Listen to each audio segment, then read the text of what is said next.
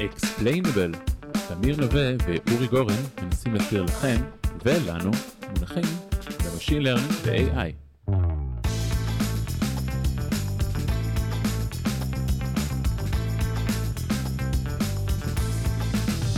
היי תמיר. היי אורי, מה שלומך? הבאת לנו אורח היום? היום אנחנו לבד, בדד. אה, וואו, התגעגעתי, אז בעצם אתה האורח שלנו, שלי. אז היום אנחנו נדבר על אה, נושא שנקרא Program Synthesis, שבטח אה, לא אומר הרבה דברים להרבה אנשים, אבל אה, נדבר יותר על המוצר שהכניס אותו לכל בית, שזה ה-GitHub Copilot. שמעת עליו? יצא לך להשתמש? שמעתי בעיקר ממך, אני חייב להגיד, בתור אוהד שרוף, זה נכון להגיד את זה? או לא, אבל לא יודע. Uh, בכל אופן, רק אולי נגיד שכל מה שנגיד בפרק הזה זה דעתנו בלבד, על ה...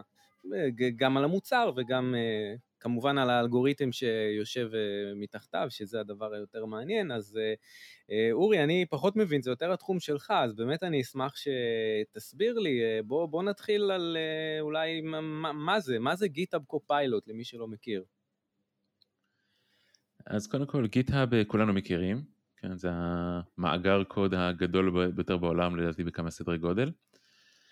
והקופיילוט זה מוצר של השלמת קוד תוך כדי שאתה כותב, אבל בניגוד לאינטליסנס, כמו שאנחנו מכירים, להשלמה אוטומטית שמנסה להשלים על פי חתימה של הפונקציה או הטייפים המתאימים, פה הקופיילוט מנסה להשלים על סמך uh, קטעי קוד שהוא צפה קודם בגיטהאב, זאת אומרת ממש על פי לוגיקה של אנשים אחרים כתבו. זה ממש אה, AI שעוזר לך לכתוב קוד, משלים לך את הקוד, וזה באמת אה, מה שנקרא מדע בדיוני, אז, אה, אז בוא תגיד לי, מה, אתה, אתה, אתה מן הסתם כבר עובד עם זה, נכון? איך, אתה רוצה לספר איך זה, איך, איך, איך אתה, איך זה לך לפחות? אז אני חייב להגיד שגם בתור איש NLP, שסך הכל יש לי קצת פזם ביצירה של טקסטים מטקסטים ועבודה עם מודלים שמייצרים שפה, אני מאוד התרשמתי, ולראיה, אה, לכל אחד מהעובדים בחברה, אני ממש ביום הראשון שלו רכשתי כבר אה, מנוי לשנה, שזה גם לא כזה די זול, להגיד עם Copilot, כי אני באמת חושב שיש פה משהו שהוא productivity אה, boost מאוד מאוד גדול. יחד עם זאת, אני כן אציין שזה לא, זה קסם, זה לא לכתוב את הקוד עבורכם ויש לו לא מעט טעויות. ויש אזורים שהוא פשוט תמיד שוגה בהם, ויש אזורים שהם מדהימים בקטע קצת הזוי. אז uh, אני אגיד, לפחות מהצורה שאני יצא לי לעבוד איתו, למשל באימפורטים, הוא בדרך כלל מתחרפן, ותמיד מכניס דברים מפייתון לפעמים הזויים. מה, מה הכוונה? עושה לך אימפורט שאתה לא ביקשת, שאתה לא צריך, שהוא לא קשור בכלל, שאתה לא משתמש בו כאילו? המון, באימפורטים הוא משהו שם לוקח אותו למחוזות אה, מאוד מאוד מוזרים. שזה מפתיע, כי קל לתקן את זה, כאילו אם זה באג שקורה הרבה, דווקא זה באג שקל לתקן כביכול, לא? אימפורט אה, לא, אין לו שימוש, אז תעיף אותו.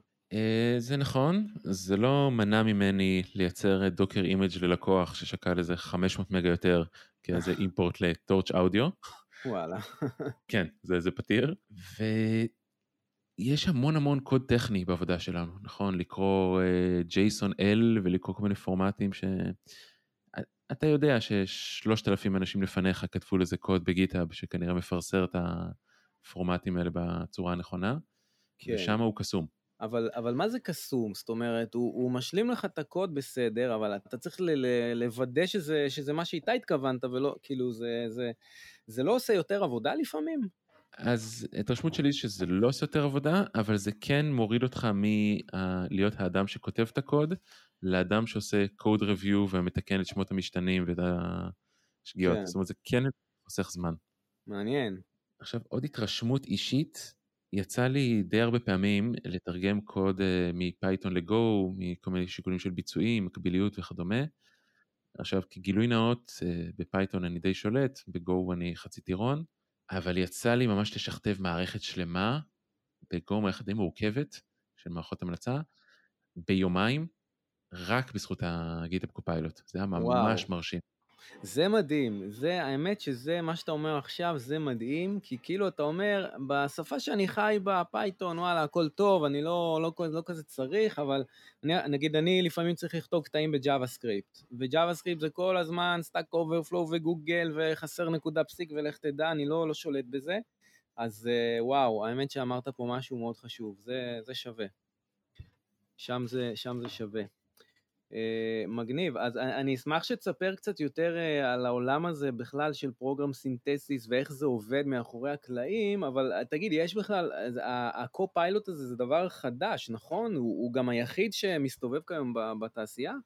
אז לא בדיוק, זאת אומרת, יש מתחרים, חלקם ישראלים, יש את Tabnine ו Kite, זה שני אלה שאני נתקלתי בשם שלהם. גם עכשיו אה, אמזון יצרו איזה מוצר שלהם שהוא copy paste כזה של ה Copilot, ו... זאת אומרת יש הרבה. אני חושב ש Copilot זכה לחשיפה כי הוא של OpenAI ומייקרוסופט GitHub, אז לכן הוא הגיע באמת, אה, ערוץ ההפצה שלו יותר טוב. הוא גם built אה, in ב GitHub בעצם, נכון? זאת אומרת זה באיזה לחיצת כפתור כזה.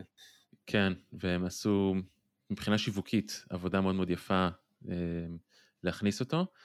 אה, אבל כן, אני מודה שאני לא שיחקתי עם המתחרים מספיק, יכול להיות שיש אה, טובים יותר, אבל אני כן אגיד שאני מקבל אפילו מ Copilot ערך, זאת אומרת, אה, אם יש דברים יותר טובים אז נהדר, ושוב, המטרה פה היא לא להלל את ה Copilot ספציפית, אלא יותר את הטכנולוגיה הזו בפרק. מגניב. אז, מה, אז בוא, בוא רגע נלך קצת יותר רחב מ GitHub Copilot, בוא נדבר בכלל אולי על program synthesis. מה, מה זה בעצם? מה זה, איך עושים את זה? כן, אז התחום הזה ש Copilot הוא בעצם instance שלו נקרא program synthesis או יצירה של קוד שאמור לרוץ בסופו של דבר מתוך אחד משני דברים. Program synthesis מקבל כקלט או את תיאור הבעיה כמו ש GitHub Copilot בדרך כלל יודע לייצר מתוך doc אה, strings והערות קוד או אה, דוגמאות ואחת העבודות היפות שראיתי בתחום היה פרויקט יפה של מייקרוסופט בשם Flash Fill, שהוא מייצר מתוך דוגמאות באקסל את הנוסחה באקסל שתיצור אותם. מה הכוונה דוגמאות באקסל? זאת אומרת להסתכל, לקבל טבלה של מספרים, ואז הוא כבר יודע להסיק שהנוסחה פה הייתה אה, עמודה 3 כפול עמודה 4 חלקי 2. זה הכוונה? כן, ספציפית Flash Fill אני חושב שהוא סביב אופרטורים של string, למשל לחלץ את השם הפרטי מתוך אה, מתוך שם מלא, או לחלץ את הכתובת, או לחלץ את הרחוב או את העיר, אה, אבל כן, זה, זה הרעיון. ואם אני חוזר למה שאמרת על program synthesis, אתה אומר שהקלט הוא, או הערות קוד, docstring של הפונקציה הזאת עומדת לקבל כך וכך ולהחזיר כך וכך, ואז הפלט של המודל זה קוד שאמור לעשות את זה, או, אה, או אמרת דוגמאות, דוגמאות קוד הכוונה, או התחלה של קוד ואז הוא מחזיר קוד יותר אה, שלם או משהו כזה? לא, הכוונה היא לדוגמאות הרצה. זאת אומרת, מה הקלט הצפוי, מה הפלט הרצוי, ותכתוב את הקוד שמקיים את זה. אה, אוקיי, יפה. אז אני מניח שנגיד הקו-פיילוט הוא מהסוג השני, הוא מקבל תיאור בעיה והוא מחזיר קוד. נכון, אז הקו-פיילוט הוא באמת במשפחה הזו של המודלים, וכמובן, כמו כל דבר שיש או זה או זה, אנחנו, הכוונה היא פה לאו של מדעי המחשב, אה, יש תמיד גם, גם וגם, תן לי קצת דוגמאות הרצה וקצת אה, תיאור בעיה ואני אסתדר. כמודל. כן, אז אם אני רגע רוצה לקחת אותך באמת קצת יותר עמוק לאלגוריתם מאחורי הדבר הזה, לעולמות ה-NLP, בעצם ממה שאתה מתאר, program synthesis, אתה מקבל טקסט, נגיד תיאור הבעיה, ואתה מחזיר טקסט שזה קוד Python או קוד Go או קוד JavaScript, שזה גם טקסט. אז בעצם אני מבין שיש פה מודל NLP, אמ, מודל שפה, נכון? קצת מזכיר uh, בעיית תרגום מאנגלית לספרדית או משהו, כמו ה, מה שאנחנו מכירים BERT ו-GPT3 וכל אלה. זה זה? זה? זה בדיוק זה? אז uh, כן ולא. ללא ספק אחת הגישות לפרוגרם סינתזיס היא גישת ה-sequence to sequence שמשתמשים בה גם בתרגום. Uh, לא, כי יש עוד שתי גישות, אז uh, נראה לי נדבר עליהן. אז כמו שאמרנו, שלושת הגישות לפרוגרם סינתסיס הם קודם כל כמו בעיית תרגום, פלוס אה, אילוצים. כי בניגוד לתרגם בין אנגלית לספרדית, הדבר הזה שאנחנו מייצרים צריך אה, לרוץ, כן? אז אם אה, יש לי פונקציה שמצפה לקבל אינט, גם אם המודל שפה אומר שצריך לשים משתנה שהוא string, אני, אין טעם שאני אשים את זה, כי זה לא יתקמפל. כן, אז אני פה עושה תרגום עם איזשהו קצת וריאציה, לא Beam Search כמו בתרגום קלאסי, אלא אלגוריתם חיפוש אחר, כן, זו גישה אחת. כאילו אם אני מבין אותך נכון, אתה אומר, זה, רגע, אני, לא, אתה יודע, אני אשאל ככה, גם בתרגום מאנגלית לספרדית, כביכול אתה יכול לשים אילוצים, להגיד, רגע, תחבירית, זה לא נכון להוציא כזה משפט בספרדית, אתה צריך להבין את התחביר הספרדי בשביל זה. אתה אומר, בשפה לא עושים את זה, פה כן עושים את זה, אולי כי מה? כי זה יותר קל לדעת מה מותר, מה אסור? שפה זה דבר יותר גמיש מקוד, זאת אומרת, בשפה, בסופו של דבר, גם אם אתה פוגש עולה חדש או ילד שידבר איתך לא תחבירית, אה, אתה תבין. ולתרגום בדרך כלל זה מה שהם רוצים לאפטם, את, ה, את המסר, את ההבנה. Mm. ובקוד זה פחות גמיש. שמת משתנה מסוג לא נכון, כל התוכנית כולה הולכת לפח. אוקיי, mm-hmm. okay. הם רוצים שזה יתקמפל, לא סתם uh, יעביר מסר. בדיוק. אז זה, כמו שאמרנו, הגישה הראשונה. להגיד, טוב, זה כמו תרגום, אבל עם קצת אילוצים שאנחנו נשתמש בהם באלגוריתם חיפוש. אפשרות שנייה היא לבנות אה, מה שנקרא אה, עץ תחביר או AST, Abstract Syntax Tree, של התוכנית המקומפלת. זאת אומרת, למשל, אם יש לי פונקציה שצריכה לקבל כארגומנט ראשון int וכארגומנט שני string, אז אם בחרתי במהלך הבנייה של העץ בשימוש בפונקציה, נותר לי בשלב הבא רק לבחור מתוך סט המשתנים או פונקציות או ארגומנטים שעונים לטייפ הזה, ויש פה סט של אילוצים במהלך היצירה של העץ. זאת אומרת שאני בונה את עץ החיפוש, את עץ הסינטקס, ובגלל שאני בונה את, את, את עץ הסינטקס, אין פה שום סיכון שיהיה משהו שלא מתקמפל, כי אני מלכתחילה בונה אותו בצורה שזה יהיה משהו שיתקמפל. רק שאני אבין, כשאתה אומר עץ חיפוש, מה, מה הכוונה? כאילו, מה המילה הראשונה, ואז הענפים, זה מה האפשרויות להיות המילה הבאה בקוד שהוא יוצר? אז אה, לא בדיוק. בעצם כשאנחנו כותבים אה, תוכנית, ניקח שפה כמו Python, אה, אם רשמתי C שווה ל-A ועוד B, אז יש פה פונקציה של פלוס, שמקבל שני ארגומנטים, והארגומנטים, טוב, Python היא שפה די גמישה, אבל בוא נניח שזה היה פלוס של מספרים, אז הארגומנט הראשון צריך להיות מסוג int, הארגומנט השני צריך להיות מסוג int, ואז יש לי פעולה של השמה לתוך משתנה C. אז אפשר לנסח את זה ממש בתור אה, ארגומנט, בתור, סליחה, פעולה ושני ארגומנטים. זאת אומרת, יש פה ממש עץ שאומר, עבור התוכנית הזו, העץ שמייצג אותה זה פונקציית החיבור, שמקבלת שני ארגומנטים, A ו-B, ו-A ו-B צריכים להיות מהטייפ הנכון של, של int, ואת התוצאה שלהם אני מפעיל. אתה אומר כל מבנה של קוד הוא איזשהו עץ. נכון? זה, אני אומר את זה נכון? ורק, בדיוק. ואז השאלה, מהו העץ הנכון ש, ש, שהכי יתאים, שהכי, שצריך לבחור. נכון, אז בעצם הגישה הזו, היא לא אומרת, טוב, בוא נייצר string שהוא אה, מתקמפל, אלא אנחנו בונים עץ מלכתחילה, אז ברור שהוא יתקמפל. אמ, הבנתי, הבנתי. אז זה ממש אה, הבנתי. והעץ הזה הוא יהיה נגיד שונה, העצים האפשריים הם שונים מ Python ו Go ו Java, או שזה משהו גנרי כזה של קוד? אז AST זה משהו גנרי של קוד, וכשאתה יודע את ה-AST אז נורא קל לתרגם אותו לפייתון, ג'אווה, JavaScript, כל שפה בהתאם לסינטקס שלה, אבל ה-AST הוא כביכול, כביכול אדיש לסינטקס של השפה הספציפית. אוקיי, okay, יפה, מגניב. אז אוקיי, אז הזכרת שתי שיטות, כמו מודל תרגום רגיל עם אילוצים, בנייה של עץ AST, חיפוש בעצם, נכון? של העץ AST הכי מתאים, ומה, איזה עוד גישה יש אה, בכלל לפרוגרם סינתזיס? אז יש את הגישה השלישית, שהיא נראית מאוד מבטיחה, אבל היא by far הכי מורכבת, שזה להגיד שקוד הוא בעצם גרף. זאת אומרת, אם אני השתמשתי בפונקציה בשני ארגומנטים, אפשר להגיד שיש פה איזשהו קשת. או אם אני קראתי לפונקציה, אז זה קשת מסוג אחר של קריאה. ואז אני מנסה לבנות את הגרף הזה של הקריאות והפעולות, של האתחולים וכדומה, יש איזה יתרון קונספטואלי אחד, אה, שבגלל שקוד באמת אה, עובד ככה, ולפעמים אני יכול לקרוא לפונקציה שהוגדרה במחשב אחר, במקום אחר בארדיסק, מאוד מאוד רחוק, אז זה פותר את הבעיה של ה-long distance dependencies, שהוא מאוד מאוד קשה, בטח במודלים של תרגום, אבל גם במודלים של AST.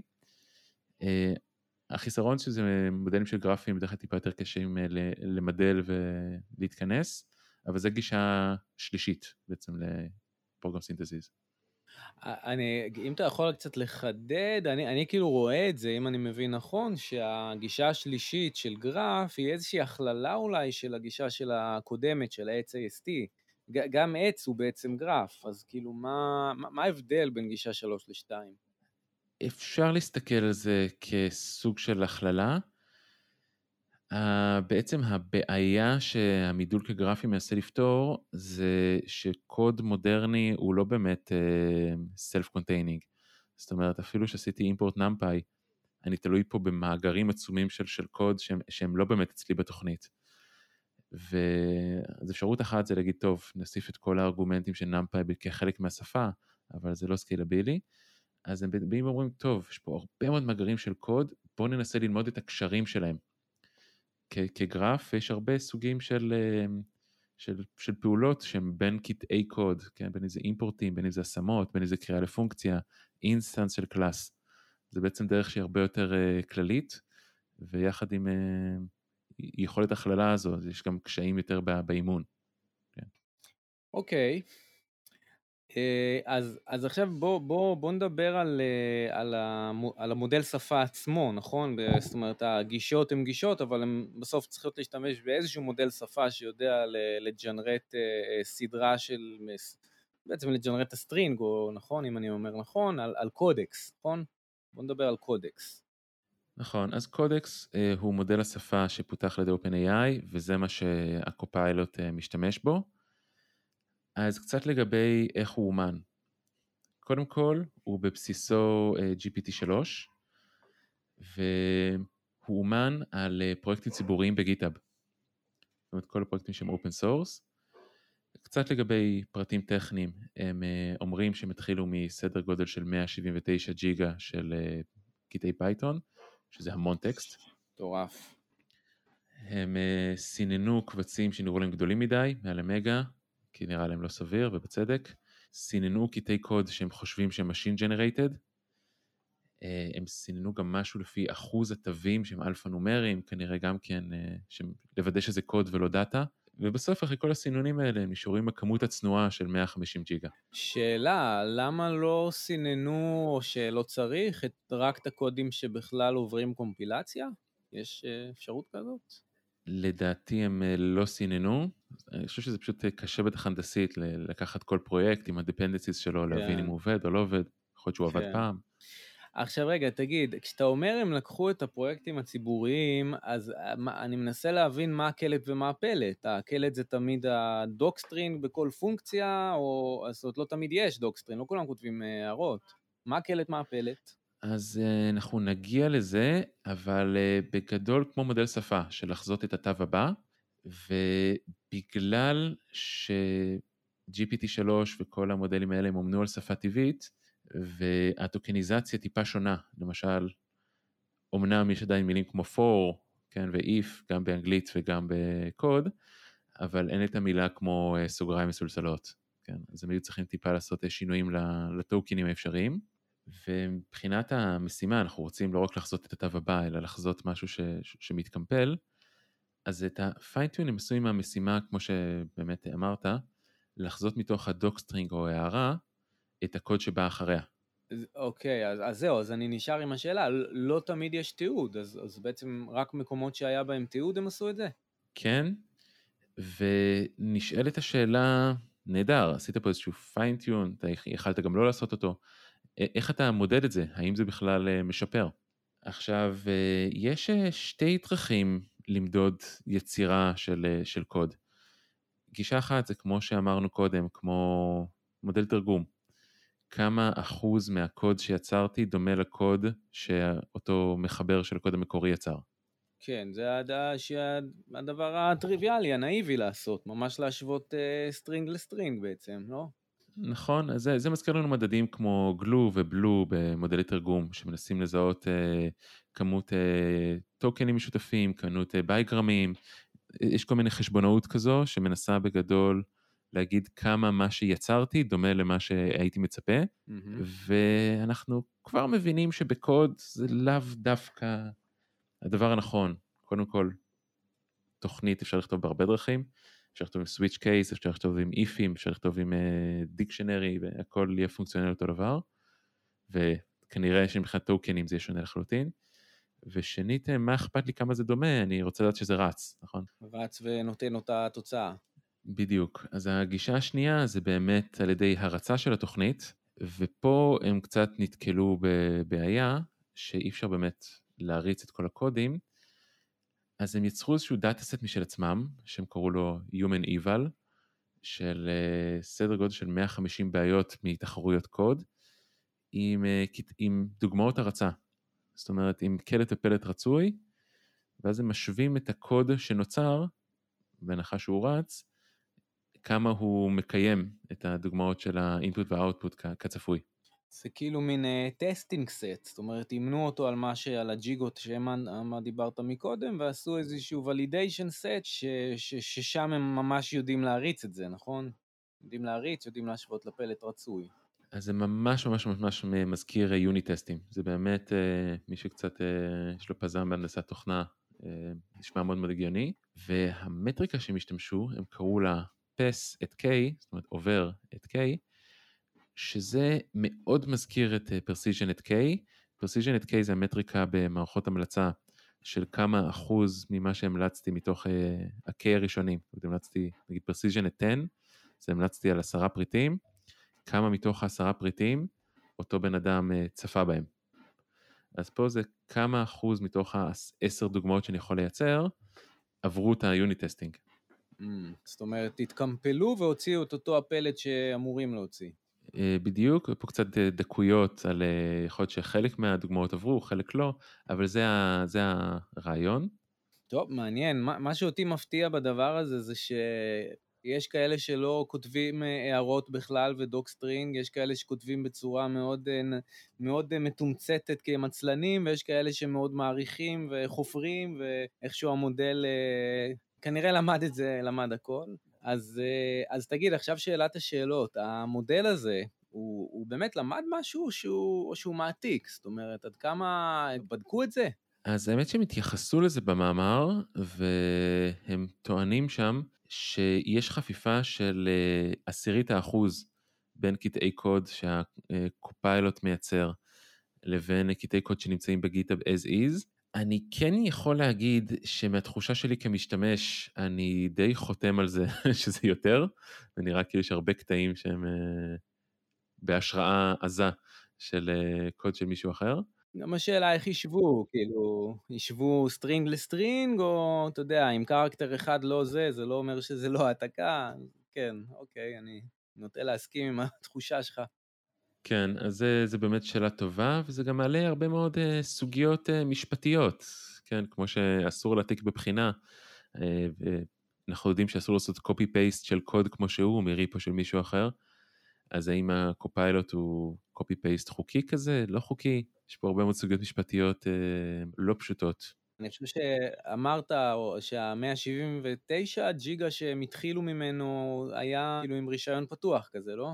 כן, אני כן יודע שאחד השיקולים של אנשים אה, לא להשתמש ב Copilot זה הפחד אה, האולי מוצדק שיכול להיות שבעת שאני משתמש ב Copilot אז אני מלמד אותו ואז אולי קטעי קוד שהם proprietary אה, מממ-הממ. שלי דולפים לטובת משתמשים אחרים ואני יכול להבין את זה לחלוטין. מממ-הממ. וואלה. למרות שאם אתה מחליט לשים ב GitHub public אז זה פאבליק אבל כן נכון עדיין זה רישיון והכל. אגב, אה, גם עוד סתם איזו שאלה שחמקה, אני מניח שזה, אני יודע את התשובה, אבל בוא בכל זאת נגיד את זה, אתה אמרת שהם אימנו על, על 150 ג'יגה של קוד Python, אז זה למודל, זה זאת אומרת, ככה הם בעצם יצרו את ה Codex Python, אז הם עשו אותו דבר עם Codex ל Go, ל JavaScript ולעוד שפות? זאת אומרת... למיטב זיכרוני הם תומכים בצורה רשמית בחמש שפות, שהם כנראה עשו קודקס כזה לכל שפה. והאמת שיש, אה, נגיד ברשימת ה-to-do list שלי זה מתישהו ללמוד Rust, וראיתי שאנשים אה, בצורה פרטית לקחו את קודקס ועשו לו הרחבות לשפות אחרות, כמו Rust שהיא שפה לחלוטין לא פופולרית, או פחות פופולרית מ Python Go ו TypeScript ושאר אה, השפות שאומן עליהן, אז כנראה שזה, שזה אפשרי לעשות fine-tuning לעשות גרסאות של קודקס לכל שפה או דיאלקט. מדהים, מדהים, ממש... המדע הבדיוני העתידי כבר כאן, מה שנקרא. טוב, אחלה, אני, אני למדתי. תגיד, אז הם פרסמו איזה מאמר או משהו שהם מספרים מה הם עושים, או שזה, או שזה כזה סוד מסחרי? אז כמובן אנחנו ניתן קישור למאמר. אני בטוח שיש הרבה מאוד דברים שהם לא ציינו כמו אלגוריתם חיפוש. למשל, התחושה שלי ש Copilot עובד יותר טוב ב-Go מאשר Python, לדעתי שזה הרבה קשר לאלגוריתם פענוח אחר כך. זאת אומרת, במקום ה-Beam Search, שזה אלגוריתם חיפוש אחר, שלדעתי גם שם יש הרבה שכל, אבל לא תמצא לזה אפילו מילה אחת במאמר, hmm. אבל בכל מקרה מאמר שווה קריאה. וואלה. טוב, מעולה, תודה. החכמת אותי ואני מקווה שאת המאזינים, אז תודה לכולם על ההאזנה. ונתראה בפרק הבא. Explainable, תמיר לווה ואורי גורן מנסים להסביר לכם ולנו מונחים במשין לרנינג ו-AI.